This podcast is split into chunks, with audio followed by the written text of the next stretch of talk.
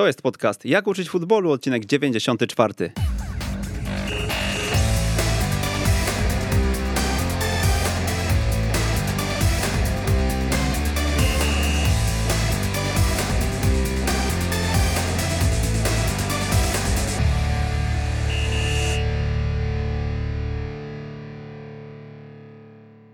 Jak uczyć futbolu, odcinek 94 przy mikrofonie Przemysław Mamczak. Jak zwykle witam bardzo serdecznie. Większość trenerów e, myśli o tym, żeby w swoim zespole wprowadzić porządek. Mój dzisiejszy gość jednak e, idzie troszkę pod prąd i mówi o tym, że woli nieporządek. Dlaczego? Za chwilę się o tym przekonamy. Tomasz Tchórz. E, dzień dobry, Tomku. Dzień dobry, Przemek. Dzień dobry wszystkim. Tomek, jak to jest z tym nieporządkiem u ciebie? Lubisz bardziej porządek czy nieporządek? Wiesz co, no myślę, że bardziej porządek, ale też w kwestii piłki nożnej ten nieporządek jest w miarę zorganizowany. Także no jest to taki nieporządek, ale przygotowany, także kontrolowany. E, nie przez przypadek wywołałem mm, to słowo, te, mm, te dyskusje, bo mm, jakiś czas temu wydałeś książkę, która nazywa się Nowy Nieporządek futbolu, czy Nowy Porządek futbolu, bo to nie jest w nawiasie, powiedz. Tak, no właśnie to jest e, tak jak powiedziałem, że jest to w pewnego rodzaju e, przygotowana dezorganizacja, czyli e, zaplanowany chaos. Innymi słowy, jest to swego rodzaju jakiś nieporządek zdarzeń, który wynika z pewnych zasad, które zostały wcześniej ustalone. Także można powiedzieć, że jest to i nieporządek, i porządek. Z tego względu dałem w nawiasie to nie i, i można to interpretować e, na dwa sposoby. No dobra, kim jest e, Tomasz Tchórz? Bo no chociaż myślę, że większość naszych słuchaczy się za tobą stęskniła bardziej niż nie wie, kim jesteś. Nie, nie było cię troszkę u nas, ale rozmawialiśmy już wcześniej sobie i o futbolu w trakcie, kiedy trafiłeś do Wisły Płock i wcześniej, kiedy wydawałeś periodyzację taktyczną, logikę z innego świata, czyli twoją wcześniejszą książkę. No i dzisiaj pracujesz w Indiach, jesteś tutaj w trakcie przerwy między sezonami. Opowiedz może dwa zdania o tym, co tam się dzieje u ciebie w twojej czynnej piłkarskiej, szkoleniowej karierze. Dokładnie, no już y, trochę mnie tutaj nie było, chociaż zawsze jak się widzimy, to się czuję jak stały bywalec. Także y, w tych y, spotkaniach naszych gdzieś tam częściej lub rzadziej, ale jednak jestem obecny. Obecnie, tak jak powiedziałeś, pracowałem w Indiach i jestem świeżo upieczonym mistrzem Indii jako drugi trener pracujący z trenerem Kibowikunią właśnie w zespole, który nazywa się Mohun Bagan. Teraz jestem w Polsce na wakacjach, zakończyliśmy sezon i oczekujemy kolejnego, także jest też szansa, żeby się spotykać z ludźmi i przekazywać sobie swoją wiedzę wzajemnie się ucząc. I teraz nowy sezon będzie mm, kolejnym krokiem, bo zmieniacie ligę, e, mimo że zostajecie w Indiach i zmieniacie klub, prawda? Tak jest, zmieniamy Mohun Bagan na Kerale Blasters i w nowym sezonie będziemy właśnie odpowiadać za ten zespół. E, jest kontrakt podpisany na dwa lata. Oczywiście jak w piłce wszystko e, zależy od wyników, także zobaczymy jak długo tam będziemy, ale plany mamy takie, żeby jeszcze przynajmniej e, przez jeden sezon tam być. No dobra, mm, do Indii, jeżeli nam się uda, to wrócimy, mm, ale nie jestem pewny, czy nam się uda, bo no mamy sporo tutaj tematów do e, omówienia sobie odnośnie Twojej książki. O czym jest nowy nieporządek futbolu? Książka Nowy Nieporządek Futbolu przedstawia moją ideę gry, tak e, jak ja widzę piłkę nożną, w jaki sposób chciałbym, aby grały moje zespoły. Jest to pewnego rodzaju rozwinięcie tej pracy, którą rozpocząłem pracując w Wiśle Kraków z drużyną do lat 14, pracując tam właśnie w Akademii Piłkarskiej. Także jest to książka, która przedstawia i wyjaśnia, jak chcę grać i dlaczego tak, a nie inaczej. Mhm, czyli mm, można powiedzieć, że rozwijasz temat idei gry, o której był jeden z rozdziałów periodyzacji taktycznej. Tak, dokładnie. Właśnie tak jak już wiemy, periodyzacja taktyczna mówi o tym, e, że powinniśmy mieć swoją ideę gry, mówi o tym, jak ją skonstruować, a później w jaki sposób wdrażać. I jedna strona odnosi się do tworzenia i posiadania tej idei gry i właśnie ta książka jest powiedzmy tą jedną stroną medalu periodyzacji. No dobra, to powiedz, y, jak ktoś nas słucha i nie zna ciebie, może pomyśleć, y, kurczę, dzieli się tym, jak chce grać w piłkę, no to chyba ułatwia swoim rywalom pracę. Chociaż wiemy, że dzisiaj może nie wszyscy w Indiach potrafiliby przeczytać książkę po polsku, to jednak w jakiś sposób nie myślisz, że się odkrywasz? Właśnie cała ta idea tej książki e, i też mój pomysł na grę odnosi się do tego, aby grać e, w taki sposób, e, który umożliwia nam zostanie mm, nierozszyfrowanym jeszcze w rzeczywistym czasie gry. Jeśli chodzi właśnie o analizę gry przeciwnika, czyli akurat w tym przypadku mojego zespołu, to chciałbym doprowadzić do sytuacji, w której ta dziedzina może być e, zredukowana, jeśli chodzi o zagrożenie dla mojego zespołu. Uważam, że teraz już e, środki są tak rozwinięte, że każdy zespół może być przeanalizowany w bardzo dokładny sposób i tutaj musimy zadbać o to, żeby nasze zespoły grały w tak nieprzewidywalny sposób e, stale, żeby po prostu nawet ta dziedzina analizy gry nie mogła nam przeszkodzić w osiąganiu dobrych sukcesów, e, osiąganiu dobrych rezultatów. To jak to zrobić? Właśnie uważam, że trzeba to zrobić za pomocą e, indywidualnej ekspresji zawodników, którzy wyrażają siebie wewnątrz e, przygotowanych dla całego zespołu zasad gry, czyli innymi słowy trzeba rozważać fundamenty gry, mm, pracując z zespołem i e, dostosować te fundamenty gry, bo oczywiście już tutaj wiele na przestrzeni ostatnich lat o nich mówiliśmy, natomiast w mojej idei gry uważam, że trzeba je dostosować do struktury, jaką zespół powinien przyjąć i do tego, aby ta struktura była spójna właśnie z zasadami e, konkretnymi dla zespołu, a w moim wydaniu tutaj w tej książce z zasadami grupowymi nie tylko indywidualnymi, tak jak w przypadku na przykład książki Dorastanie w grze. Przejdziemy sobie tutaj e, przez te zasady też, e, przez te twoje fundamenty. Ja tak trochę udaję Greka, że e, zadaję ci te pytania, ale ja oczywiście czytałem e, tę książkę kilka dni temu. Mm, no i zastanawiam się, kiedy miałeś w ogóle czas, żeby to wszystko opisać, bo mm, teraz chyba pomogła trochę pandemia. No tak, właśnie to samo pytanie zadał mi niedawno trener Jacek Magiera, z którym się widziałem. E, tak jak powiedziałem, ta książka była już w mojej głowie jeszcze w momencie, kiedy pracowałem z chłopakami z Wisły Kraków. E, oczywiście nie była jeszcze tak ustrukturyzowana, ale teraz, kiedy skończyliśmy sezon i e, byliśmy zamknięci w domach przez trochę ponad 6 tygodni, to miałem czas na to, żeby sfinalizować to wszystko i właśnie wydać tą publikację. Dlaczego chcesz dominować na boisku? Powiedz, no, jeżeli mielibyśmy scharakteryzować Twoją ideę gry, głównie opiera się ona na tym, żeby mm, kontrolować grę przez posiadanie piłki, prawda? Tak, dokładnie. No właśnie pierwszy powód y, tego jest taki, że y, jeżeli będziemy dominowali za pomocą posiadania piłki, to będziemy mogli kontrolować mecz poprzez y, zachowania, które tyczą się posiadania piłki, jak i tego, tych momentów, w których nasi zawodnicy piłki nie mają. Są ludzie, którzy mówią, że można kontrolować mecz nie posiadając piłki, ale według mnie to nie jest prawda, dlatego że jeżeli nie posiadamy piłki, to możemy kontrolować tylko zachowania wynikające właśnie z nieposiadania jej. Kiedy mamy piłkę, to e, możemy kontrolować zarówno te, kiedy e, nasi 10 naszych zawodników, jeżeli gramy w piłce nożnej 11-osobowej, nie mają piłki, ale możemy też kontrolować zachowania z piłką tego zawodnika, który je posiada.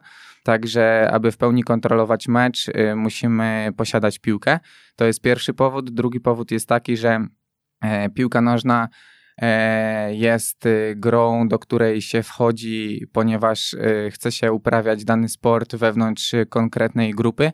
E, kiedyś, y, jeszcze dawno temu, kiedy mm, na trochę niższym poziomie było rozwinięte e, życie społeczne, takie socjalne, mm, było bardzo wiele gangów obecnych i na przykład tak jak formowano gangi, to E, takie mm, wartości, które funkcjonowały w tych gangach, w danych grupach, to było siła, odwaga, honor i mistrzostwo.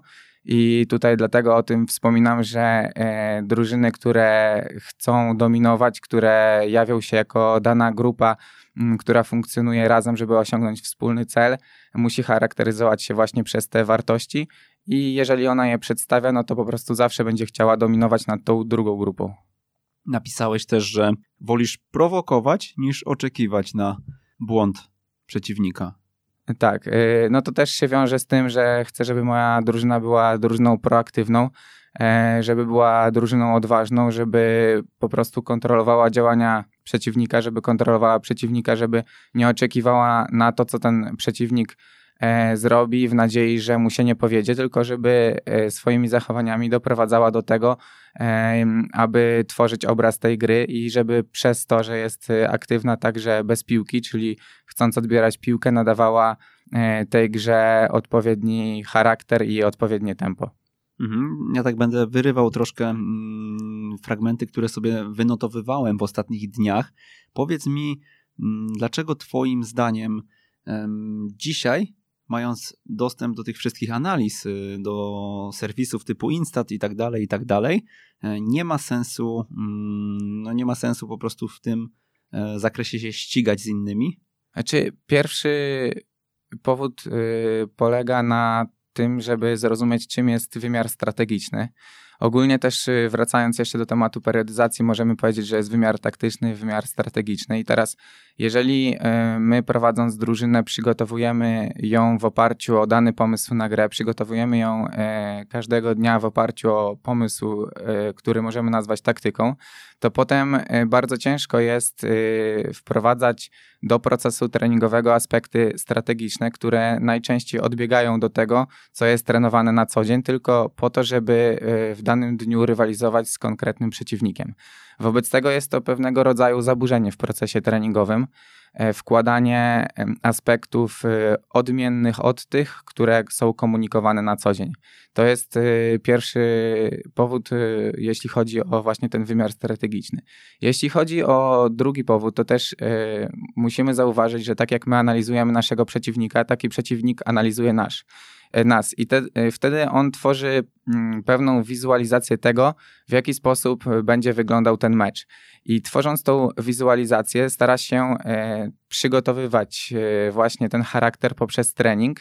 I robi to samo, i my robimy to samo. I my cały czas zniekształcamy to, w jaki sposób będzie wyglądała nasza gra nie tylko w obrębie taktyki, wymiaru taktycznego, ale także zniekształcamy to razem z trenerem, który zniekształca nas obraz, w jaki sposób mogłaby wyglądać konfrontacja nasza z danym zespołem. Wobec tego, w momencie, kiedy dochodzi do tej rywalizacji naszego zespołu z konkretnym przeciwnikiem, ten charakter gry odbiega całkowicie nie tylko od wymiaru taktycznego, ale także od wymiaru taktycznego, który został w pewien sposób namaszczony przez te aspekty strategiczne w procesie treningowym na kilka dni przed meczem. Wobec tego dla mnie analiza gry nie do końca ma sens z tych dwóch powodów. Ja tutaj odniosę, bo mm, dużo wątków e, się mm, pojawia odnośnie tych wymiarów wszystkich i tak dalej, i tak dalej. Periodyzację omawialiśmy w 18 odcinku Jak uczyć futbolu, e, więc zachęcamy osoby, to już było bardzo, bardzo dawno temu, ale zachęcamy osoby, które chciałyby poszerzyć wiedzę na ten temat do tego odcinka. Linki oczywiście mm, w opisie tego odcinka wszystkie zamieścimy, bo byłeś też w Akademii Weszło Junior swego czasu w drugim odcinku bodajże, więc, więc na pewno jeśli tutaj e, coś Was zaintryguje, warto dosłuchać i e, uzupełnić jeszcze. E, no dobra, a powiedz mi odnośnie Twojej idei gry, odnośnie tej gry w piłkę i odnośnie zdania, myślę już, że o tym też rozmawialiśmy, ale odnośnie zdania, że w Polsce w tę piłkę grać się nie da, bo mamy zbyt E, niskie umiejętności techniczne, zbyt e, słabo zawodnicy sobie z tą piłką radzą, e, więc jak tutaj operować nią na tyle, na tyle dokładnie, żeby dominować i kontrolować, posiadać piłkę. Znaczy, y, jeśli chodzi o te słowa, które powiedziałeś, to mam nadzieję, że nie byłem ich autorem. nie wiem, czy gdzieś... Nie, nie, nie. Myślę, że mówię, że rozmawialiśmy już, Aha. Y, że pewnie zadawałem to pytanie, tak Aha. mi się wydaje, bo e, to jest odwieczny nasz dylemat, o którym dyskutujemy zawsze, kiedy się widzimy. No właśnie, e, to znaczy ja ogólnie nie zgadzam się z tymi słowami, dlatego tak się trochę przestraszyłem, czy przypadkiem gdzieś tam kiedyś ich e, w jakiś sposób nie wypowiedziałem. Tutaj sobie przygotowałem też kilka takich punktów, jak widzisz na w swoich notatkach, e, dlatego że chciałem, e, wiedziałem, że może paść takie pytanie i chciałem też na ten temat chwilę porozmawiać, bo bardzo często w Polsce ludzie mówią, że nie da się czegoś zrobić i wymieniają powody, dla którego tego się nie da E, zrobić. Jeśli chodzi o operowanie piłką, o dominację za pomocą posiadania piłki, to bardzo często ludzie podają e, wiele sprzecznych ze sobą powodów i mm, tak jak ty podałeś, e, brak wystarczających umiejętności piłkarskich zawodników. e, no to teraz w dniu dzisiejszym powiedziałeś, że te umiejętności są niewystarczające. Natomiast na przestrzeni ostatnich lat mojej pracy, czy to w piłce nożnej zawodowej, czy w piłce nożnej młodzieżowej, ja miałem okazję konfrontować się z takimi wątpliwościami, E, które dotyczyły nie tylko właśnie e, zbyt słabych umiejętności piłkarskich, ale na przykład jak rozpocząłem pracę w Wiśle Kraków e, i zaproponowałem pewny sposób pracy, to pani psycholog z mojego sztabu mówiła, że dzieci w Polsce nie są przygotowane do tego, ponieważ inaczej są wychowywane i nie są w stanie się podporządkować takiemu, a nie innemu rodzajowi pracy. Później na koniec okazało się, że zdobyliśmy Mistrzostwo Ligi. E, w Indiach poznałem e, taką legendę klubu Mohun Bagan, mm, mm, Brazylijczyka Barreto, i też na przestrzeni sezonu mówił, że w Azji piłkarz nie jest w stanie pojąć tego sposobu gry, dlatego też, no, jeżeli chcemy osiągnąć sukces, musimy e, zmienić swoje podejście i też zakończyło się mistrzostwem. E, wiele osób mówiło, że mm, zawodnicy są zbyt słabi i nie są w stanie operować piłką, tak jak teraz o tym rozmawiamy, i to też nie jest prawdą. Ja uważam, że to wszystko są wymówki, i tutaj też e, trochę odbiegnę od tematu, ale też chciałem o tym wspomnieć, bo Pewnie wrócimy jeszcze do tematu naszej pracy w Polsce, ale też chciałem wspomnieć o y, takich zagrywkach dziennikarskich, którzy, które powodują, że e, danego człowieka, czy danego trenera, czy daną drużynę można określić pozytywnie lub negatywnie za pomocą tej samej cechy. I zaraz wrócę do tego i powiem, dlaczego o tym mówię, ale podam taki przykład że jeżeli jest trener, który posiada duży zakres e, wiedzy z danego tematu i osiągnie sukces, to jest określany jako trener innowacyjny, który osiągnął sukces dlatego, że się e, rozwijał na przestrzeni lat. Natomiast jeżeli ten sam trener z tym samym zakresem wiedzy poniesie porażkę, to jest y, określany jako e, jakiś szarlatan prze, z, mający mm, przeintelektualizowaną formę przekazu i e, to go zgubiło. Wobec tego tak samo jest właśnie jeśli chodzi o podejście do umiejętności piłkarskich czy każdego innego czynnika. Najważniejsze w tym wszystkim jest przekonanie ludzi do tego, czy są w stanie to zrobić i czy to im pomoże się rozwinąć. I teraz e, tak naprawdę nie ma czegoś takiego, że są ludzie bardziej zdolni do tego, żeby się utrzymywać przy piłce lub e, dane umiejętności pozwalają na to lub nie. Ja uważam, że wszystko zależy od przekonania i od wiary w to, czy po prostu da się to zrobić, czy też nie. Dlatego też to nie może być wymówką i ja uważam, że nawet na najniższym poziomie jesteśmy w stanie wprowadzić tą ideę gry, o której mówię. No dobra, mm, to zadam Ci pytanie, czy masz e, komuś coś do udowodnienia, e, bo tak e, słyszymy tutaj kilka nazwisk padło. No na pewno trudno jest wprowadzać coś nowego gdziekolwiek, no a totalnie trudno jest to zrobić w, w, tak hermetycznym, mam wrażenie, środowisku jak piłka nożna. No, to znaczy nie mam nikomu nic do udowodnienia, jedynie od pewnego czasu postanowiłem, że też E, będę starał się mm, przedstawiać różne przykłady i też podawać nazwiska ludzi, którzy prezentowali swoje poglądy w przeszłości tak, a nie inaczej, ponieważ uważam, że jeżeli jest się na pewnym poziomie, pracuje się na pewnym poziomie, to też kształtuje się opinię publiczną ludzi i to, co się głosi, e, to trzeba mieć świadomość tego, że e, trzeba brać za to odpowiedzialność i e, powinniśmy bardzo starannie dobierać słowa, swoje poglądy, ponieważ my jako trenerzy czy ludzie pracujący na wysokim poziomie kształtujemy opinię innych na dany temat i powinniśmy to robić e, z rozwagą. Dlatego też biorąc e, odpowiedzialność za dane słowa, należy liczyć się z tym, że w przyszłości można być zweryfikowanym. Mhm. Mm, powiedziałeś e, o pracy w Polsce. Pracowaliście z Kibu w Wiśle Płock, no i musimy do tego nawiązać, ale ja bym troszkę inaczej do tego nawiązał, bo zapytałbym ciebie, czy jako trenerzy mm, nie musicie przekonać piłkarzy też do tej swojej wizji, bo tak jak powiedziałeś o osobach, e, które mówiły, że się nie da, e, spoza powiedzmy zespołów, tak, e, no to mm, myślę, że podobnie przez nasz system mogą myśleć zawodnicy, z którymi współpracujesz na boisku. No i wtedy już pojawia się problem, prawda? Tak, to znaczy, no ja uważam, że to jest, y, jeśli nie główny, to jeden na pewno z bardziej istotnych czynników, które wpływają na powodzenie wprowadzenia konkretnej idei gry, czyli przekonanie piłkarzy, przekonanie e, najbliższego otoczenia tych piłkarzy i e, w bardzo wielu przypadkach na to przekonanie wpływa opinia publiczna. Mhm. Dlatego też y, opinia publiczna, ale także ona mm, się rodzi z danej kultury rozumienia piłki nożnej w danym e, kraju czy w danym miejscu. I tutaj uważam, że w Polsce e, ja bym rozważał wprowadzanie idei gry, która opiera się na dominacji nad przeciwnikiem za pomocą posiadania piłki. W takim kontekście, czy my jako Polacy, po pierwsze, E, jesteśmy gotowi na to jako społeczność piłkarska, a po drugie, czy może nawet nie tyle gotowi, ale czy to jest to, w czym czujemy się komfortowo jako ludzie, myśląc w ten sposób o piłce nożnej. Jak myślisz, czujemy się komfortowo?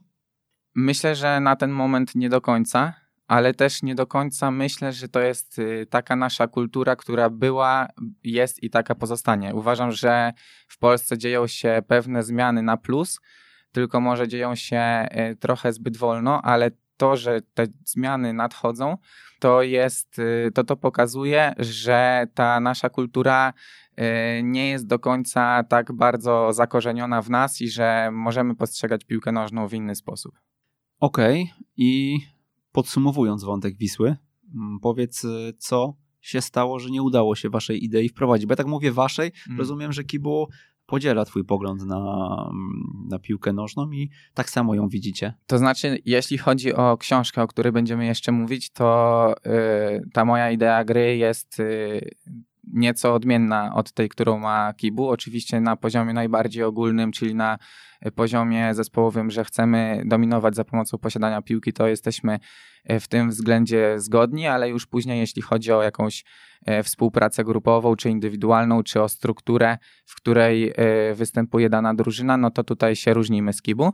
Oczywiście ja jako trener pracujący w jego sztabie pracuję pod jego dyktantem, tak to ujmijmy, E, natomiast no, mam też swoje przemyślenia i e, kiedy pracowałem jako trener e, pierwszy i kiedy w przyszłości jeszcze będę pracował w tej roli, no to chciałbym właśnie podążać za tą ideą, którą opisałem.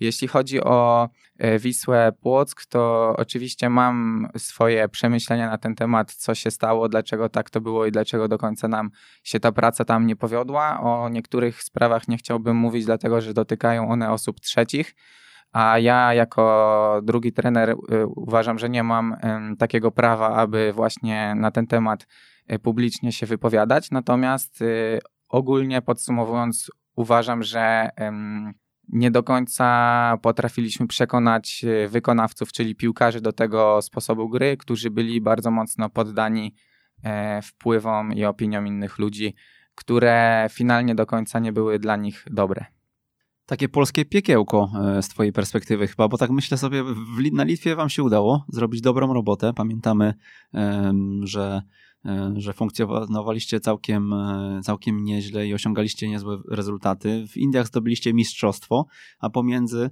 w Polsce mm, no gdzieś tam ta opinia publiczna chyba nie pomagała z twojej perspektywy, prawda? Tak, to znaczy, no, to też nie można porównywać tych trzech y, środowisk, dlatego że akurat najprostszym według mnie jest y, to środowisko związane z pracą w Indiach, ponieważ tam trener, który przyjeżdża jeszcze dodatkowo z Europy, jest uważany mm, jako no, taki ktoś, kto przyjeżdża po prostu pokazywać, na czym piłka nożna polega. I tam e, ci zawodnicy, bez względu na to, jakie mają zdanie na dany temat, to idą w ciemno za trenerem. Jest to na pewno środowisko dużo łatwiejsze do pracy i do kształtowania. Pomaga w tym też y, kultura, która wywodzi się z takiej mm, kastowości, z y, właśnie hierarchii w społeczeństwie. I tutaj trener ma tak mocną pozycję, że nikt nie jest w stanie go podważyć. Dlatego tam nawet nie trzeba specjalnie dbać o to, a ci zawodnicy i tak są przekonani do tego, co chce wdrażać trener. Podobnie było zresztą na Litwie, ponieważ pomimo tego, że to jest bliższa naszej kultura, to trzeba pamiętać, że piłka nożna to jest biznes i jest wiele grup, które współpracują ze sobą i mają określony cel w tym, co robią. I w, na Litwie piłka nożna nie jest tak bardzo rozwinięta jak u nas, a więc tam e, te, e, nazwijmy to, środki przekazu, które czemuś służą, nie są tak rozwinięte jak w Polsce. Mhm. Jak byś porównał te ligi, bo ja dzisiaj tak sobie myślę o tej naszej ekstraklasie i no to już nie jest ta liga co jeszcze 15-20 lat temu. E, dzisiaj no niestety jesteśmy na bardzo niskim poziomie, jeżeli chodzi o poziom piłkarski, ale pytanie czy ta liga litewska, czy ta liga indyjska, w której występowaliście, bo tam wiemy, że są rozgrywki podzielone, prawda? Czy one nie są jednak nieco w tyle za ekstraklasą, szczególnie pod kątem, myślę, tutaj motorycznym i takiego przygotowania fizycznego, bo ja też oglądałem twoje filmy, które udostępniałeś, no i wyda wydaje się, patrząc tak czysto z boku, że po prostu zawodnicy mają dużo więcej czasu na pewne zagrania, pewne mm, elementy techniczne też, opanowanie piłki i tak dalej, i tak dalej. Nie ma takiej presji jak w Ekstraklasie. Mm, to znaczy porównując na przykład tutaj y, piłkę nożną litewską, to trzeba E, pamiętać o tym, że e, o tempie gry, de, tempo gry determinuje e, poziom rywalizacji. I tutaj na Litwie nie ma tak, takiej rywalizacji, jaka jest w Polsce. Tam jest tylko teraz w lidze sześć zespołów I ta liga po prostu się tak nie rozwija jak u nas y, pod tym względem właśnie, że nie jest, y, e, ci zawodnicy nie są, e, od nich się nie wymaga, środowisko od nich nie wymaga tego, żeby się rozwijali, bo tam cztery zespoły mogą grać w eliminacjach do europejskich pucharów. W lidze żadna drużyna nie spada, dlatego też tam jest dość duży komfort i y, zawsze tam, gdzie jest duży komfort, to po prostu jest ten rozwój nieco przyhamowany. Jeśli chodzi o Indię, to problem tam jest taki, że e, no, jednak ci zawodnicy lokalni są na dużo niższym poziomie niż Polacy. Natomiast e, akurat e, zaleta tej ligi jest taka, że są bardzo dobrzy obcokrajowcy i tutaj uważam, że są na takim poziomie jak w Polsce, albo może nawet na wyższym. Mm, no, problem polega na tym, że piłka nożna jest sportem zespołowym, w którym najważniejsze są relacje pomiędzy zawodnikami. I tutaj, jeżeli mamy pięciu zawodników, Hindu, y, właśnie z Indii, to y, no, ten poziom już y, diametralnie staje się słabszy i czasami jest też tak, że jeżeli jeden obcokrajowiec wypada, to tak jakby drużyna grała z czerwoną kartką. Dlatego też jest ten poziom taki bardzo e, wpadający ze skrajności w skrajność. Okej, okay, to jeszcze powiedz, jak twoim okiem trenerskim miałbyś ocenić, czy dzisiaj grając sparring z Wisłą Płock, waszą drużyną z zeszłego sezonu, udowodnilibyście coś tej Wiśle, czy, czy nie byłoby e, jednak takiej możliwości, bo jednak e, no, no, no, poziom, tak jak mówiliśmy, e, tej rywalizacji w Polsce e, jednak by mm, po stronie Wisły dał dużą przewagę. Jeśli chodzi o kulturę gry, to myślę, że moglibyśmy śmiało zaprezentować się z dobrej strony. Natomiast pod względem takiego rezultatu E, to myślę, że te indywidualności, które na większej ilości pozycji byłyby po stronie Wisły Płock, mogłyby przesądzić o tym, że to oni byliby zwycięzcami. Dobra, wracamy do książki. Mm, pogadaliśmy sobie trochę o tej Wiśle, chyba że jeszcze chcesz się podzielić jakimiś wnioskami, które wyciągnąłeś po tej pracy. Wiem, że o mm, części rzeczy nie chcesz mówić, no ale może jest coś, co mm, teraz tak y, wiesz, że słuchają nas trenerzy, więc y, to też dla nich fajna lekcja. Gdybyś miał powiedzieć, na pewno bym nie zrobił tak, albo na pewno zrobiłbym coś takiego. To znaczy, taką jedyną lekcją było dla mnie to, żeby yy, nawet jeżeli coś nie idzie, to nie zmieniać tego, z jakim przekonaniem się do klubu przychodziło. Naszym jedynym e, błędem takim czysto piłkarskim, który uważam, że popełniliśmy, było to, że chcieliśmy zmienić sposób, w jaki chcieliśmy grać od początku i zmieniliśmy to już w ostatnim meczu z Piastem Gliwice, który i tak finalnie przegraliśmy i się pożegnaliśmy z pracą. Dlatego też tutaj taka nauczka dla wszystkich trenerów, szczególnie młodych, to jest taka, żeby nawet w imię porażki czy zwolnienia nigdy nie zmieniać swojej tożsamości. To jest pierwsza rzecz i e, druga to żeby po prostu bardziej dbać o to wszystko, co dzieje się wokół drużyny, a nie tylko patrzeć na to, co dzieje się wewnątrz czterech linii. Y, boiska i tutaj jeśli chodzi o jakieś y, zmiany właśnie w obrębie sposobu gry czy przekonań, to żeby trenerzy pamiętali, żeby nigdy nie zmieniali zdania, które wypracowali sobie na przestrzeni lat, dlatego że skoro mają takie, a nie inne poglądy, to jest to wynikiem pewnego rodzaju nauki doświadczenia i dane mm, nieprzyjemne sytuacje nie powinny wpływać na diametralną e, zmianę ich oceny. Fundamenty gry wywodzące się ze struktury dominującej. Mm, posiadasz takie cztery fundamenty, tak? Mhm, tak. Gdybyś mógł nam je przedstawić i omówić krótko. Tak, yy, znaczy z chęcią je przedstawię, ale jeśli mógłbym, to yy, jeszcze zaproponowałbym, żebyśmy wrócili do tego, yy, jak wygląda ta struktura i dlaczego ona jest taka, a nie inna, bo to też myślę, że będzie później łatwiej zobrazować te fundamenty na poziomie grupowym. Śmiało.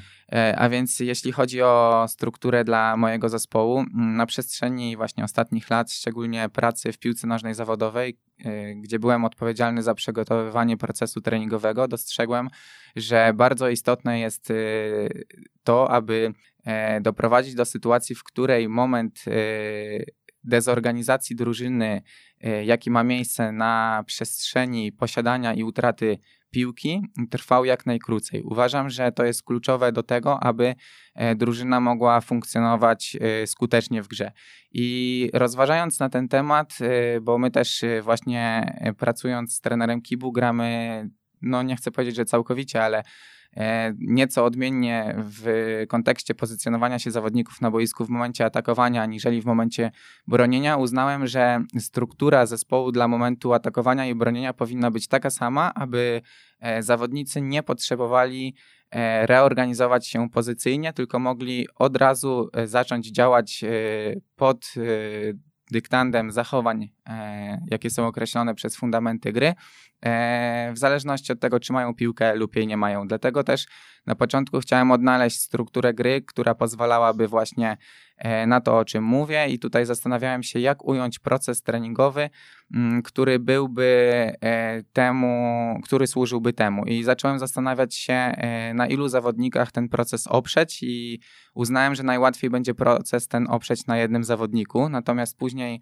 zdałem sobie sprawę z tego, że piłka nożna jest sportem zespołowym, więc nie moglibyśmy pokładać nadziei tylko w danej jednostce, ponieważ y, też jak pracujemy w piłce nożnej młodzieżowej, to nie powinniśmy e, starać się rozwijać tylko danego piłkarza, ale e, wszystkich członków drużyny, tak aby e, później każdy z nich miał szansę zaistnieć w futbolu zawodowym. Wobec tego starałem się poszukiwać minimalnej liczby zawodników, ale na tyle dużej, żeby mogły zachodzić pomiędzy nimi relacje. I wtedy wpadłem na pomysł, że e, trzeba oprzeć tą grę drużyny na czterech zawodnikach, dlatego że jeżeli będziemy opierać się właśnie na tej grupie, to będą e, mogły wystąpić jednocześnie wszystkie z fundamentów gry, jakie właśnie znamy z książki Dorastanie w grze.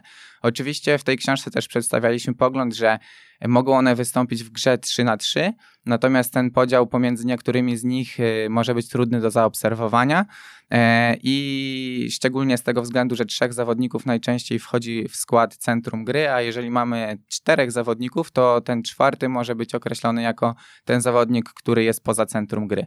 Dlatego też z tą drogą dedukcji mm, przygotowałem E, strukturę, która opierała się na czterech zawodnikach, a jak możemy sobie wyobrazić, czterech zawodników w bardzo prosty sposób tworzy rąb.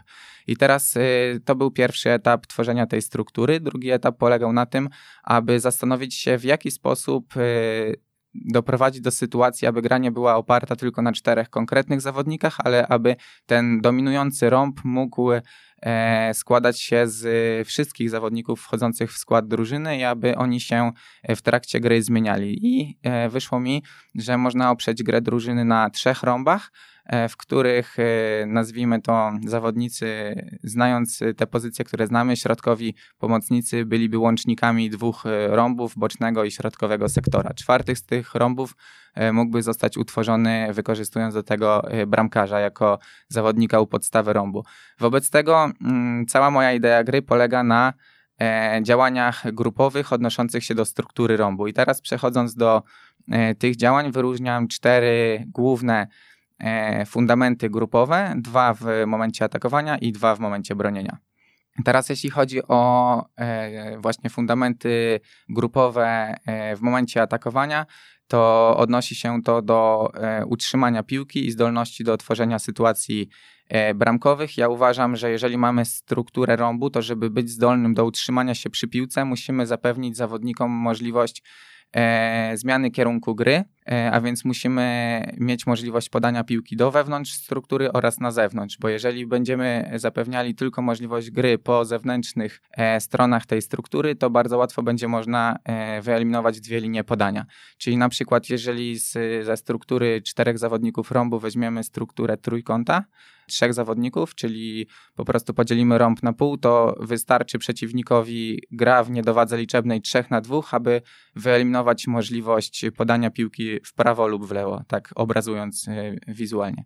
I teraz, e, jeżeli zapewnimy możliwość gry do wewnątrz i na zewnątrz, uważam, że będzie e, dużo większe prawdopodobieństwo do tego, żeby się utrzymać przy piłce, a to też wpływa na to w strukturze rąbu, żeby być zdolnym do tworzenia przestrzeni, bo jeżeli wyobrazimy sobie taką sytuację, że na pozycji wierzchołka rąbu grałby na przykład napastnik i byłby kryty przez środkowego obrońcę przeciwnika, to w sytuacji, w której on schodzi do podania piłki niżej e, i zanim pójdzie środkowy obrońca, to wtedy tworzy e, miejsce za swoimi plecami. Wobec tego każdy zawodnik, który posiada piłkę w mojej idei gry, musi mieć możliwość gry w prawo, w lewo i do środka. A jeżeli e, będzie mógł grać do środka, to będzie się to działo tylko w sytuacji, w której właśnie e, zawodnik u wierzchołka rąbu zredukuje przestrzeń w stosunku do niego i po prostu zejdzie nieco niżej.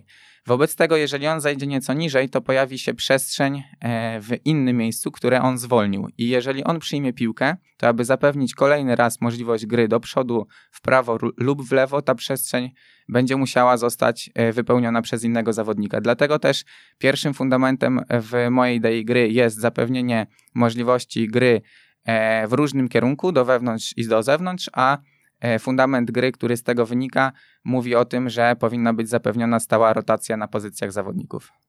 Bardzo skomplikowanie to brzmi, ale tak, tak no, skomplikowane jest to przedstawione nie jest. No. w książce. Właśnie tak sobie teraz y, słuchałem ciebie i myślę, że m, chyba rysunki zrobiły robotę dobrą, mhm. e, bo czytając y, to jest, nawet ja za chwilę nawiążę do tego, jak ja sobie określiłem tę książkę, mhm. e, natomiast no, to są podstawowe zasady, E, które każdy chyba trener zna, tylko być może nie do końca wie, e, jak są istotne w jego mhm. E, grze, albo może nie są aż tak istotne dla niektórych trenerów. Mhm. No tak. I jeszcze tylko wspomnę o dwóch dla momentu bronienia. To za chwilkę, mhm. za chwilkę wrócimy, bo ja chciałem jeszcze powiedzieć, bo mm, mamy newsa dla naszych Aha. słuchaczy. E, mamy newsa odnośnie właśnie Tomka Tchórza i e, książki Nowy Nieporządek Futbolu, ale także książki Periodyzacja Taktyczna Logika z innego świata. Myślę, że możemy, to jest dobry moment, żebyśmy o tym powiedzieli. Będziemy współpracować z Tomkiem i będziemy jego książki dystrybuować w Polsce, a może i w Indiach. No, w Indiach wie. też będziemy. Teraz y, też tłumaczę te książki na język angielski. O. Potem mam zamiar na rosyjski, także może się uda. To może moja żona pomoże z rosyjskim. Oby, oby. Z tłumaczeniem. Z, y, ekstratrener.pl, ukośnik sklep. Y, Tomek dołącza do, nasze, do naszej bandy i e, no i oczywiście tutaj kwestia e, myślę tego, że chcemy stworzyć e, księgarnię dla trenerów piłki nożnej na najwyższym poziomie. Świadczy też o tym, że tutaj nieprzypadkowo jesteś zaproszony, bo tutaj książki, o których mówimy i twoje książki są na pewno mm, dają do myślenia, bym powiedział. Hmm, to dziękuję bardzo. Mam nadzieję, że każdy sobie coś tam z tego wyciągnie. E, na pewno łatwiej jest przekazać wiedzę przez e, właśnie książkę niż e, werbalnie, przynajmniej dla mnie. Także no, zapraszam do tego. A tutaj jeszcze, żeby nie zapomnieć, chciałbym wspomnieć o tej właśnie, bo wcześniej rozmawialiśmy odnośnie tego, jak wyeliminować ryzyko związane z tym, że ktoś może nas przeanalizować.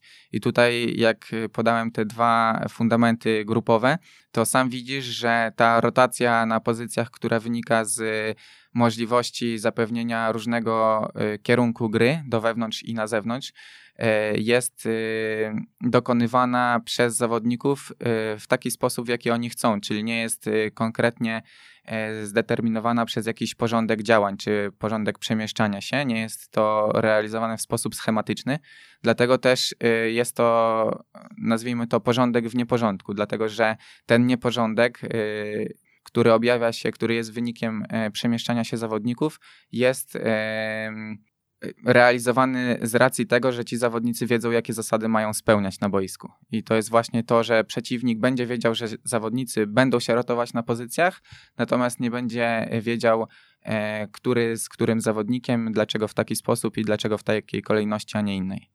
Dobra, to kontynuuj też, e, jeżeli chodzi o fundamenty związane z bronieniem. Jeśli chodzi o bronienie, to pierwszym fundamentem jest y, wytwarzanie natychmiastowej presji po stracie piłki, czyli e, jak to mówi Marcelo Bielsa, bronienie biegnąc do przodu. Wobec tego zasadą jest natychmiastowy odbiór piłki zawodnikowi, który ją w danej chwili posiada, zamknięcia linii e, do podania, które ma w danym momencie i po prostu zapewnienia e, sytuacji takiej, w której ta piłka nie wydostanie się z centrum gry po odbiorze piłki przez przeciwnika. To jest pierwszy z fundamentów i drugi fundament indywidualnej odpowiedzialności. Jest trochę bardziej rozbudowany, więc go też wytłumaczy za pomocą słów Marcelo Bielsy. On powiedział kiedyś, że w piłce nożnej w momencie bronienia najgorsze, co może być, to bronienie indywidualne. E, dlatego że drużyna, która broni indywidualnie, a później chce atakować za pomocą posiadania piłki, e, progresywnego przechodzenia na połowę przeciwnika e, równomiernie właśnie całym zespołem, to poprzez to, w jaki sposób będzie pozycjonowana odbierając piłkę, to nie pozwoli jej na skuteczne działanie mając tą piłkę. Dlatego krycie indywidualne, szczególnie dla drużyn, które chcą tą piłką operować, nie jest najlepszym rozwiązaniem. Natomiast ja uważam, że są momenty w piłce nożnej, w, której to y, w których to krycie indywidualne jest kluczowe.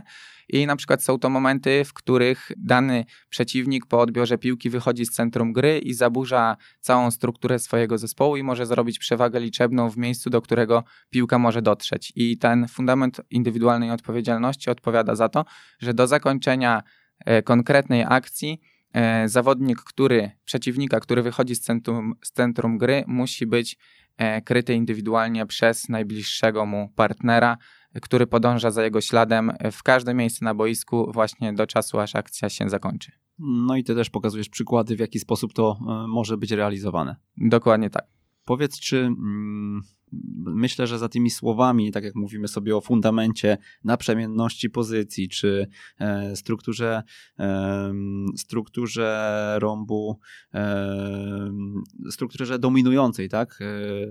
To wszystko się kryje za takimi trudnymi słowami, ale chyba generalnie chodzi o prostotę piłki nożnej. Ja mam wrażenie, że ty w kilku zasadach sobie zamknąłeś e, całą piłkę i to można odnieść też do nie tylko wszystkich pozycji na boisku, ale i e, wszystkich sytuacji na boisku, prawda? Tak, dokładnie. Właśnie e, ta idea gry wsparta jest dziewięcioma działaniami, które wynikają ze struktury rąbu i ja uważam, że realizując te dziewięć działań na przestrzeni procesu treningowego, to jest to maksimum, co potrzebujemy jako trenerzy, żeby móc ten trening prowadzić. E, wobec tego moim celem było też to, aby jak najbardziej zredukować do e, minimum potrzebną liczbę zachowań czy działań, aby trening piłkarski mógł być prowadzony tylko w oparciu o nie i cały czas po prostu mm, te działania powinny występować i się powtarzać i być praktykowane mm, i jakby nie powinno się dawać kolejnych coraz to nowszych informacji zawodnikom tylko na bazie ich, ich e, realizować. No właśnie, a skąd ten pomysł redukcji tego wszystkiego? Bo jak mówimy o modelach gry, czy Raków Częstochowa, czy Pogoń Szczecin, to są potężne książki z rozpisanymi poszczególnymi e, zadaniami, zachowaniami poszczególnych zawodników i tak dalej, i tak dalej. No jak ty do tego podchodzisz, że ty poszedłeś trochę w inną stronę, mam wrażenie, bo e, chcesz redukować i chyba tak twoim celem było poobcinać to z każdej strony na tyle, na ile można. No to znaczy, ja ogólnie nie miałem takiego celu, żeby to przygotować jakoś w takiej formie minimalistycznej, tylko po prostu uważam, że to są, to jest e, ten zbiór, to są wszystkie działania indywidualne czy grupowe, które są obecne w piłce nożnej. Jakby nie widzę potrzeby robienia czegoś, co nie jest potrzebne. I ja uważam, że te dziewięć działań, czy te cztery fundamenty, czy to wszystko, co jest oparte na dziesięciu podstawowych fundamentach e, gry, mm, no to to jest wszystko, co występuje w piłce nożnej i wszystko, co dodamy do tego, to nie jest tak do końca potrzebne. Mhm, to powiedzmy sobie o rąbach jeszcze. Mm, powiedziałeś o tym, e, wyróżniasz cztery pozycje, tak? E, podstawowe w każdym rąbie. Tak, cztery pozycje. No to tak jak każdy rąb ma podstawę, wierzchołek i e, dwie ściany boczne, prawda? Tylko te ściany boczne mogą się od siebie różnić tym, że zawodnik, który gra w wewnętrznej ścianie rąbu będzie, nazwijmy to takim bardziej obrotowym, ponieważ gra nie jest ograniczony linią boiska, a ten, który gra po zewnętrznej ścianie, jeżeli chodzi tutaj o rąb bocznego korytarza, jest ograniczony linią końcową i bardziej jego pozycja ciała jest skierowana właśnie do wewnątrz całego boiska. I rąby też są jeszcze do wymienienia, prawda? Bo jest kilka tych rąbów, które wyróżniasz. Tak, no właśnie jest środkowego sektora, bocznego, nazwijmy to lewego czy prawego i też taki rąb podstawowy, który jest tworzony wraz z bramkarzem. W porządku, czyli mamy rąby, mamy całą strukturę e, i powiedz teraz, e, bo to jest chyba najbardziej kontrowersyjne w tej twojej książce, e, ty nie wyróżniasz w ogóle pozycji? Tak, właśnie no też jednym z powodów y, tej książki, bo na razie powiedzieliśmy o pierwszym, czyli to, że po prostu tak widzę piłkę nożną, a drugi powód jest taki, że ja widzę, że tak będzie wyglądała piłka nożna w przyszłości, czyli po prostu, że nie będzie pozycji na boiskach sprecyzowanych i teraz trzeba się zastanowić, bo uważam też, że nie można e, powiedzieć w ten sposób, że nie będzie pozycji i każdy będzie biegał e, tam, gdzie będzie chciał i tylko proces treningowy będzie oparty o realizację fundamentów gry.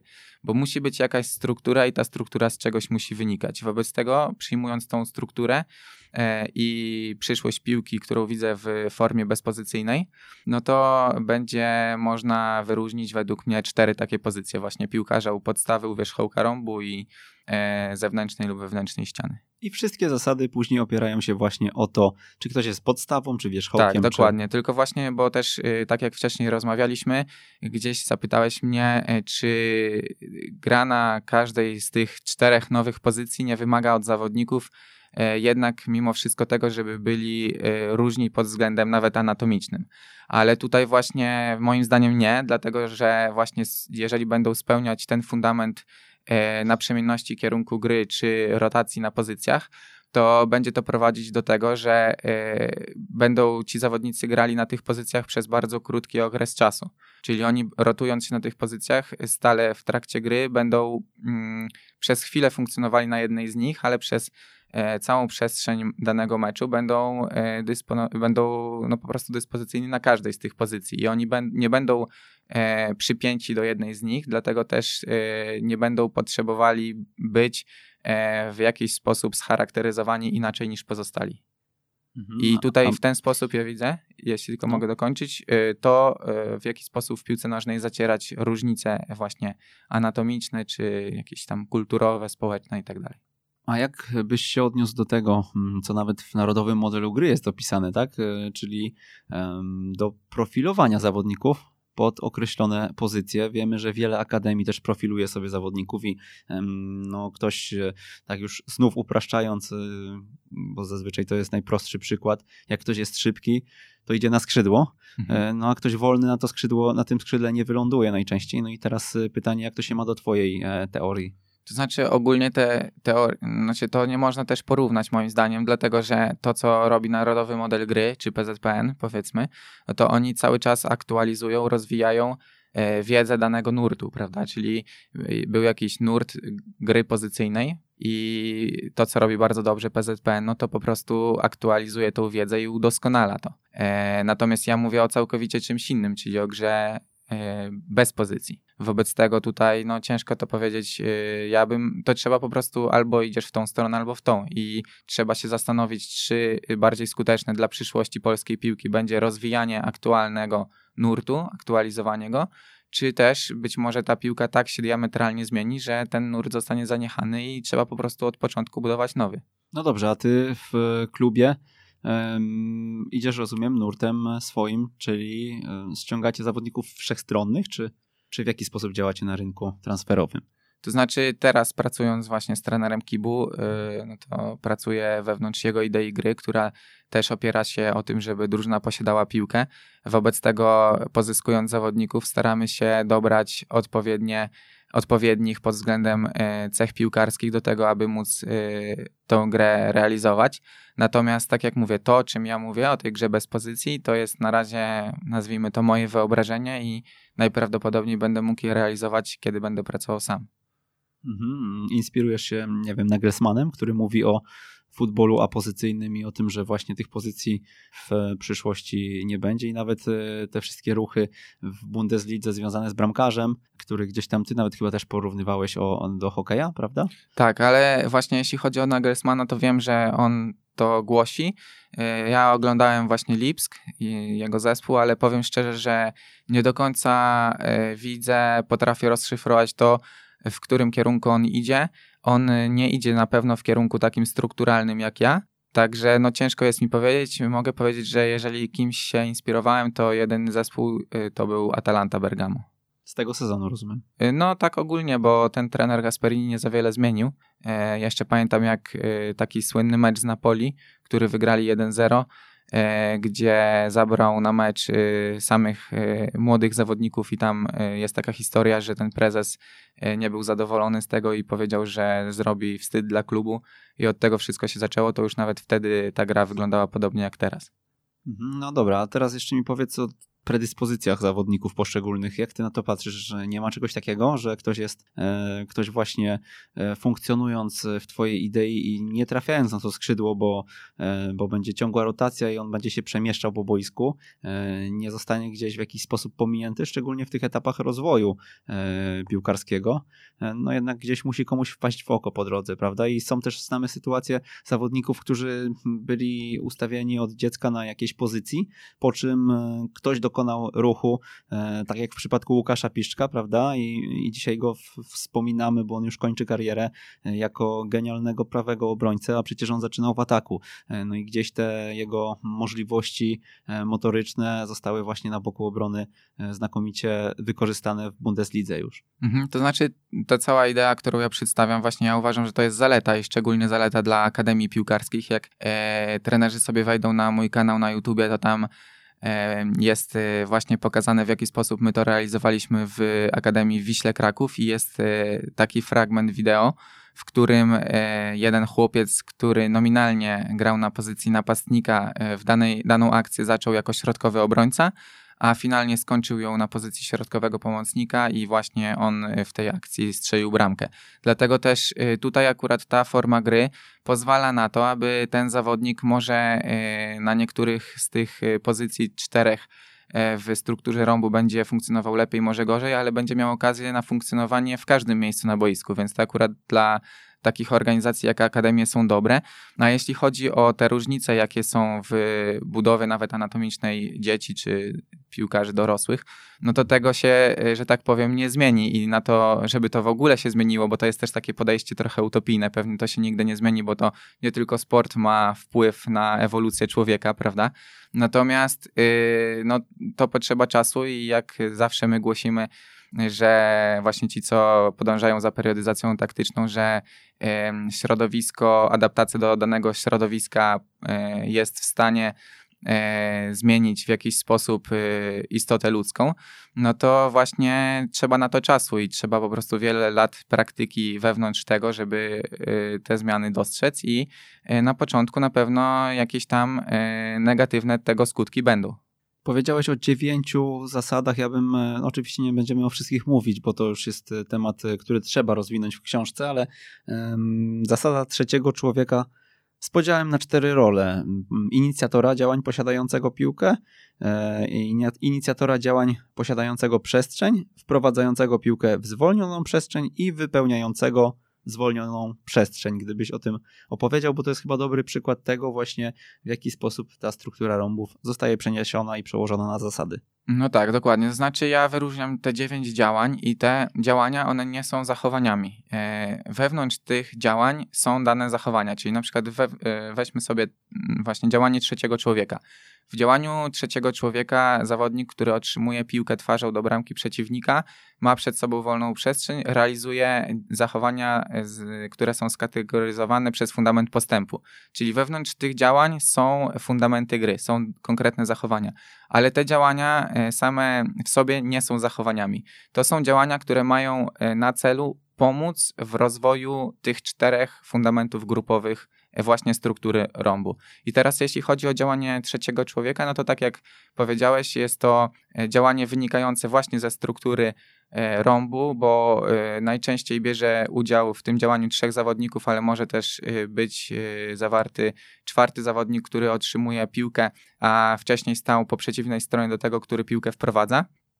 I to działanie głównie jest utworzone po to, aby rozwijać zawodników i uczyć ich zwalniania i wypełniania przestrzeni na boisku. I żeby coś więcej o tym powiedzieć, no to tak jak powiedziałeś, występują w nim konkretne role.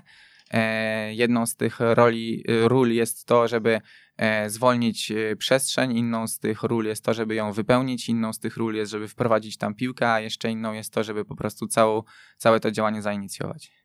I z tego działania trzeciego człowieka, później jakbyśmy rozbijali kompleksowość jego na niższe poziomy, no to byśmy mogli zauważyć, że tworzą się kolejne, czyli na przykład e, w sytuacji, w której przeciwnik nie wyjdzie za zawodnikiem zwalniającym przestrzeń, otrzyma on piłkę e, wewnątrz grupy przeciwników albo wewnątrz e, konkretnych linii przeciwnika i będzie to działanie otrzyma- czy pozycjonowania piłki, czy pozycjonowania się do otrzymania piłki pomiędzy grupą przeciwnika. Innym działaniem będzie wprowadzenie piłki pomiędzy grupy przeciwnika. Wobec tego wszystkie z tych dziewięciu działań są jakby wynikiem tego pierwszego, trzeciego człowieka.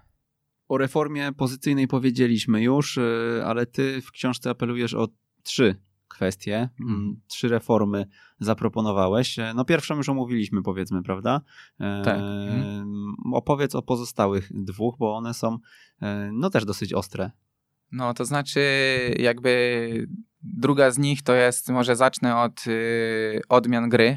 W Polsce e, te odmiany gry są e, nieco inaczej widziane niż ja je widzę, czyli na przykład mamy naj, oczywiście najbardziej złożoną odmianą jest gra 11 na 11.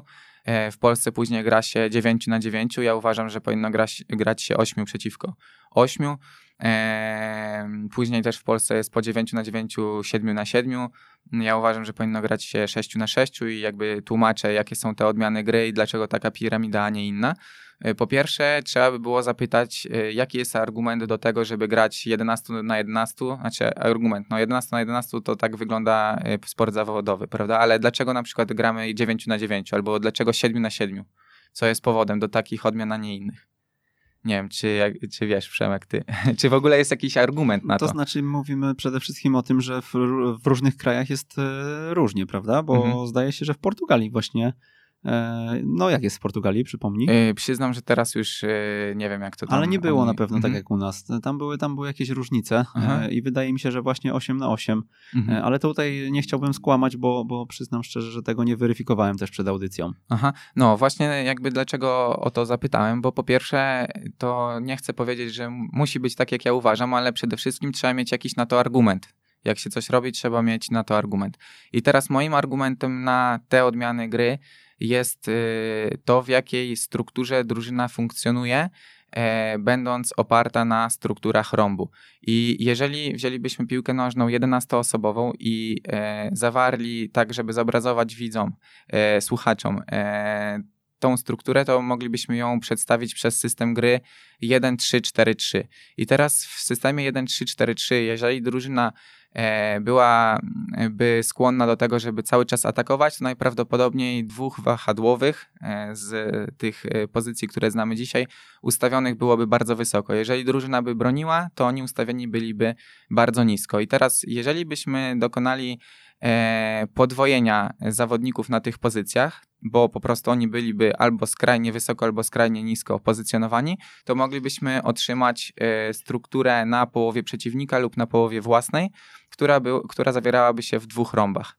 I e, byłoby to e, zawodników siedmiu, wspartych na przykład bramkarzem, albo wspartych zawodnikiem E, który mógłby być określony przez dzisiejsze pozycje jako defensywny pomocnik.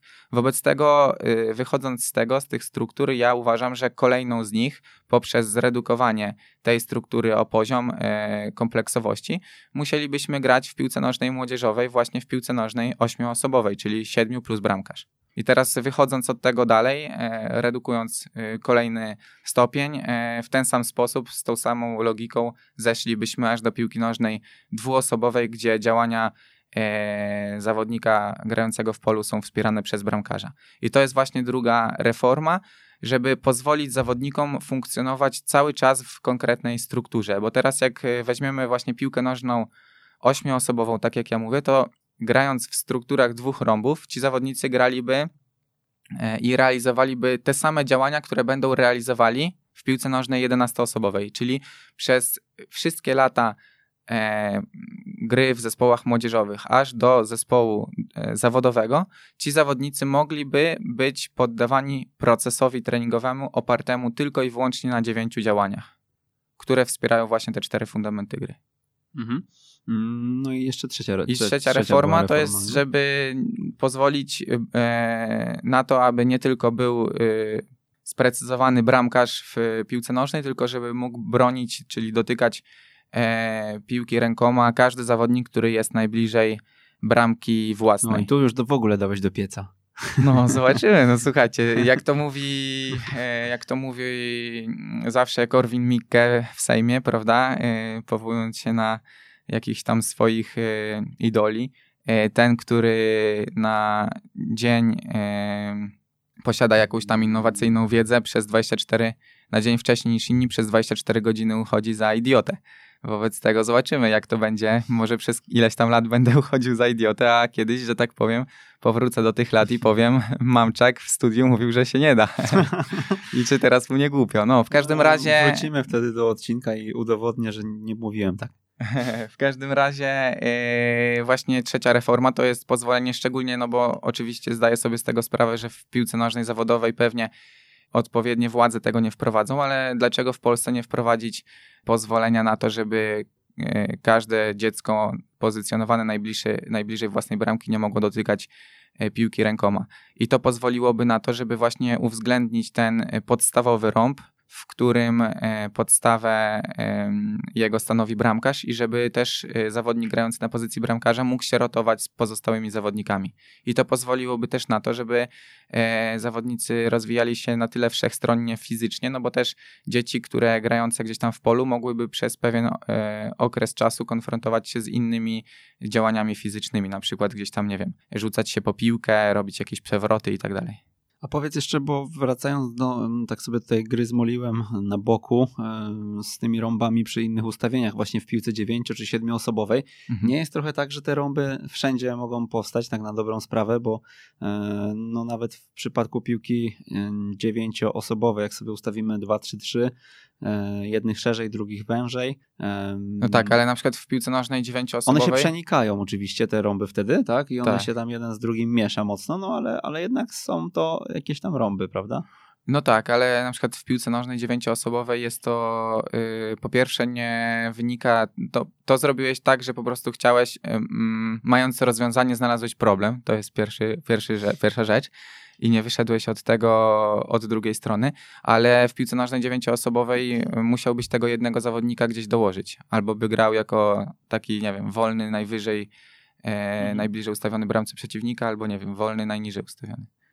Także to no, nie, nie do końca by się wpasowało. No o tym też w książce to znowu będziemy odnosić mm -hmm. cały dzisiaj e, dzień, no bo ta książka to jest jednak jakieś tam e, niecałe 200 stron pewnie mm -hmm. z mhm. rysunkami, a, a nie e, godzina audycji, no ale, mm, ale okej, okay, reformy sobie omówiliśmy, więc e, przejdziemy jeszcze, ja cię zapytam, po co ci ta książka, Tomek? Znaczy, ja ogólnie bardzo się interesuję tego typu tematami, właśnie e, w jaki sposób zmienia się świat, w jaki sposób my możemy zmienić świat przyczynić się do tego, żeby był lepszy.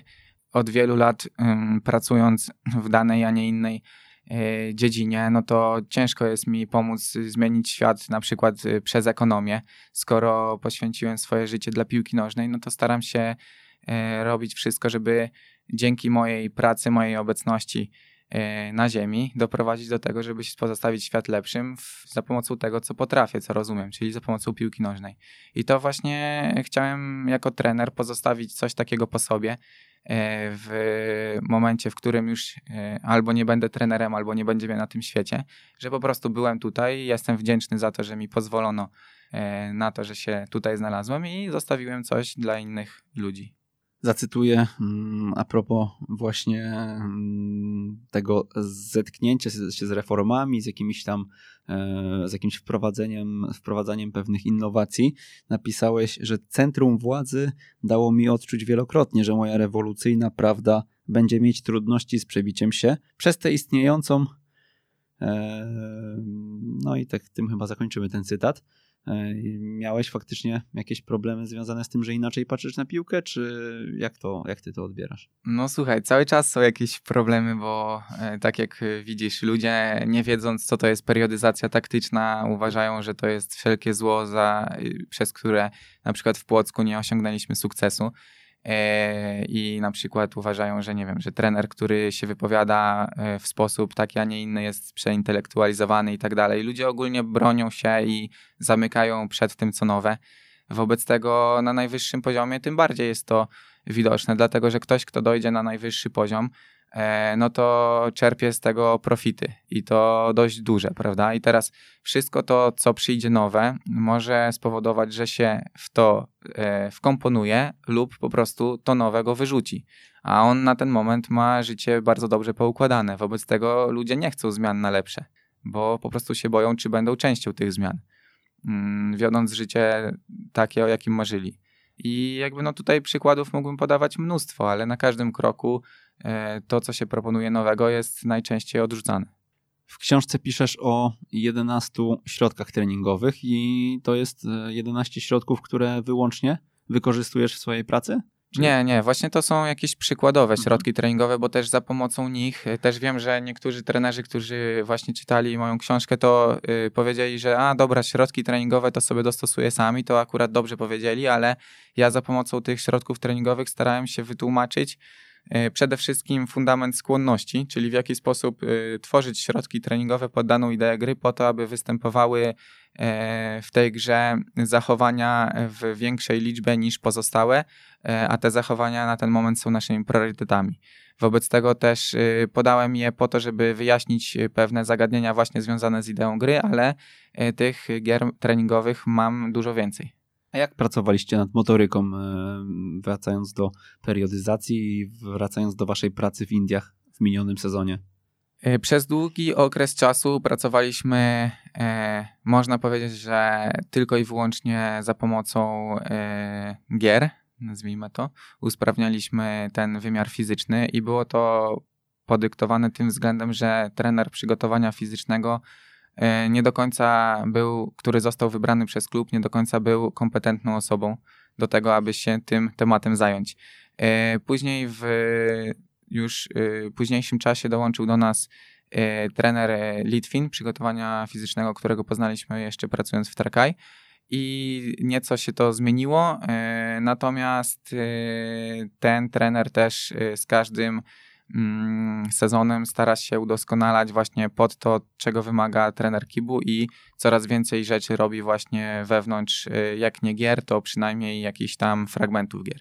Czyli wyizolowanych form jakiejś y, motoryki na siłowni nie Nie, no ani razu nie byliśmy na siłowni. Y, a jeśli chodzi o jakieś takie wyizolowane, nie wiem, na przykład biegi, to może robiliśmy, nie wiem, na, na palcach u jednej ręki moglibyśmy policzyć. Nie mówię, że tego w ogóle nie robiliśmy, ale było tego bardzo mało. To jakie elementy wplatał ten trener, jak już powiedziałeś?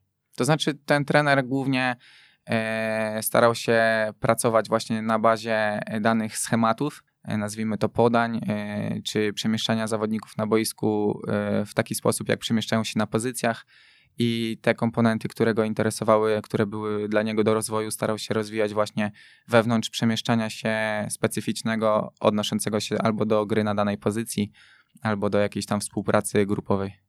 Podsumuję książkę jeszcze jednym cytatem, już ostatnim. E, naszym zadaniem nie jest przedstawienie zawodnikom, jak mają grać, ale doprowadzenie do sytuacji, w której będą grali tak, jak tego chcemy. Jeżeli zaprojektowana przez nas gra do tego doprowadzi, będzie to oznaczać, że jako trenerzy spełniliśmy nasz obowiązek, a jeśli pozostawiając zawodnikom swobodę w działaniu wewnątrz wielu zachowań naszej idei podczas gry nie napotka on potrzeby wielokrotnej konfrontacji z tymi, które są w obecnym czasie dla nas istotne, oznacza to, że powinniśmy zastanowić się nad tym, e, nad, e, nad jakimś innym środkiem treningowym. No i to chyba obrazuje mm, w 100% wszystkie trzy twoje książki, bo mówiliśmy o dorastaniu w grze i mhm. tutaj jest bardzo dużo e, w tym cytacie właśnie pedagogiki nielinearnej, takiego podejścia z otwartą głową do zawodnika. E, później przez całą e, metodologię periodyzacji taktycznej, tak, i, i, i kończywszy na idei gry opisanej w nowym nieporządku futbolu. No tak, dokładnie tak. To jest właśnie ten cytat, to można powiedzieć, że to jest yy, przedstawienie tego, czym jest fundament skłonności w periodyzacji taktycznej, czyli naszym zadaniem jako trenerów jest yy, doprowadzenie do stworzenia bardzo bogatego w zachowania środowiska treningowego, czyli gry treningowej, a więc zawodnik, który będzie praktykował daną grę musi y, mieć możliwość konfrontacji z wieloma zachowaniami, które odnoszą się do naszej idei gry, ale jako, że dane zachowania są dla nas w tym momencie priorytetem, musi się on y, mieć możliwość konfrontować dużo częściej właśnie z tymi konkretnymi, a nie pozostałymi.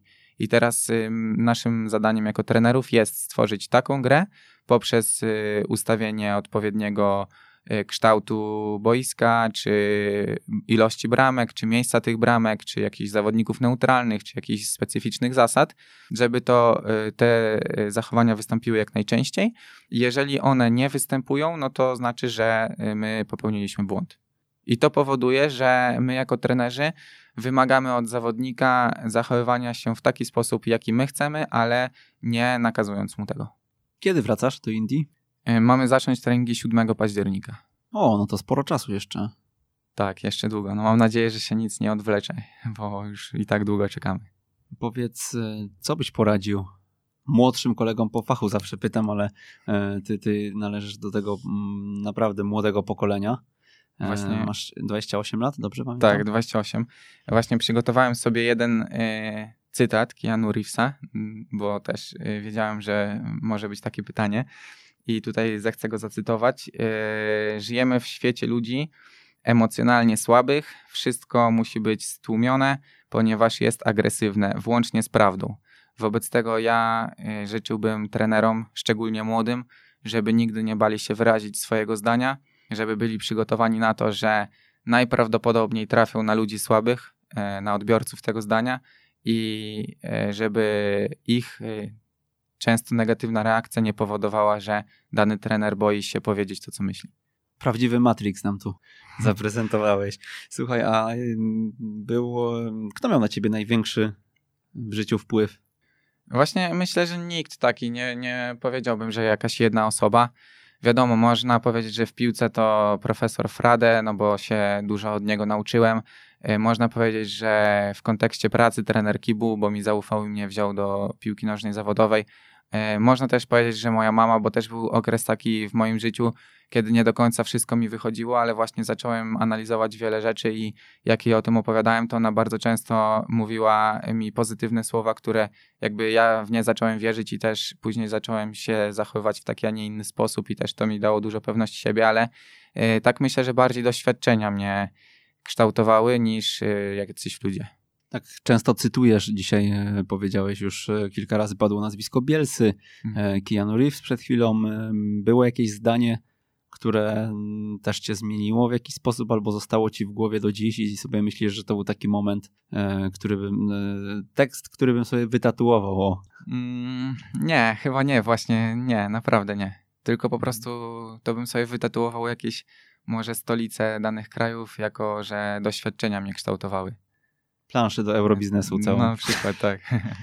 E, dobra, Tomek, jeszcze mm, o książki cię muszę zapytać. A właśnie każdego... jeszcze tylko no. teraz wpadłem na to. E, podoba mi się bardzo e, wstęp do piosenki Vivir mi vida mm, i tam właśnie tam jest powiedziane o o tym, e, no można to zinterpretować tak, że e, jak to e, legacy po polsku by było?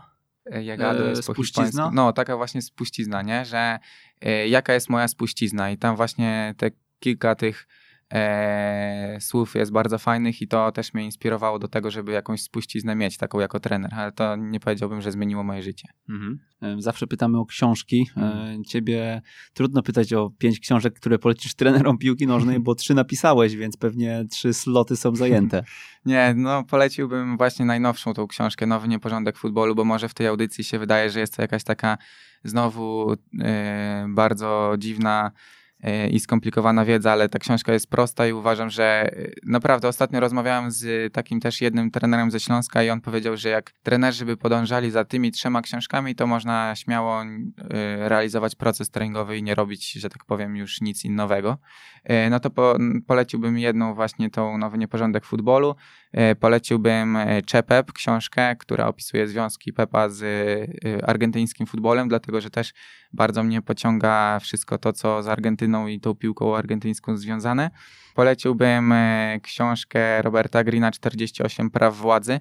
Jest to taka książka, która pokazuje w jaki sposób zaadaptować się do środowiska, które nie do końca e, jest, e, funkcjonuje w zgodzie z naszymi wartościami, ale czasami trzeba e, umiejętnie nim zarządzać, żeby osiągnąć jakieś sukcesy, czyli taka może pokazuje e, takie zachowania trochę nieetyczne, ale mm, które pozwalają się odnaleźć w trudnym środowisku dla nas.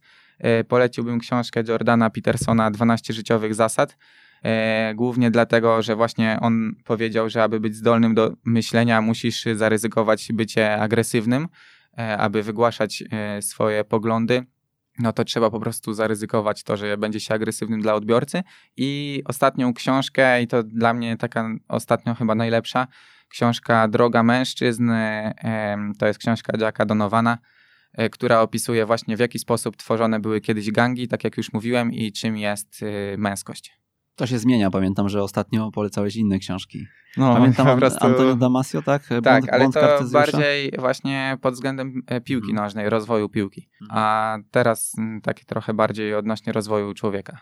Mm, jak już słowo się rzekło, em, udostępnimy też naszym słuchaczom fragment nowego nieporządku futbolu. Mhm. E, oczywiście na ekstratrener.pl, jak zawsze w newsletterze menu po prawej stronie można się dopisać. Jak jesteście na liście, otrzymacie w niedzielę e, najbliższą po e, emisji tego odcinka. Otrzymacie ten fragment e, w formie PDF-a. Mm, zachęconych, e, zachęconych odsyłamy już e, do poszerzenia mm, czy tej audycji, czy tego fragmentu i do książki, która dostępna jest, e, z czego się bardzo cieszymy w sklepie ekstratrener.pl.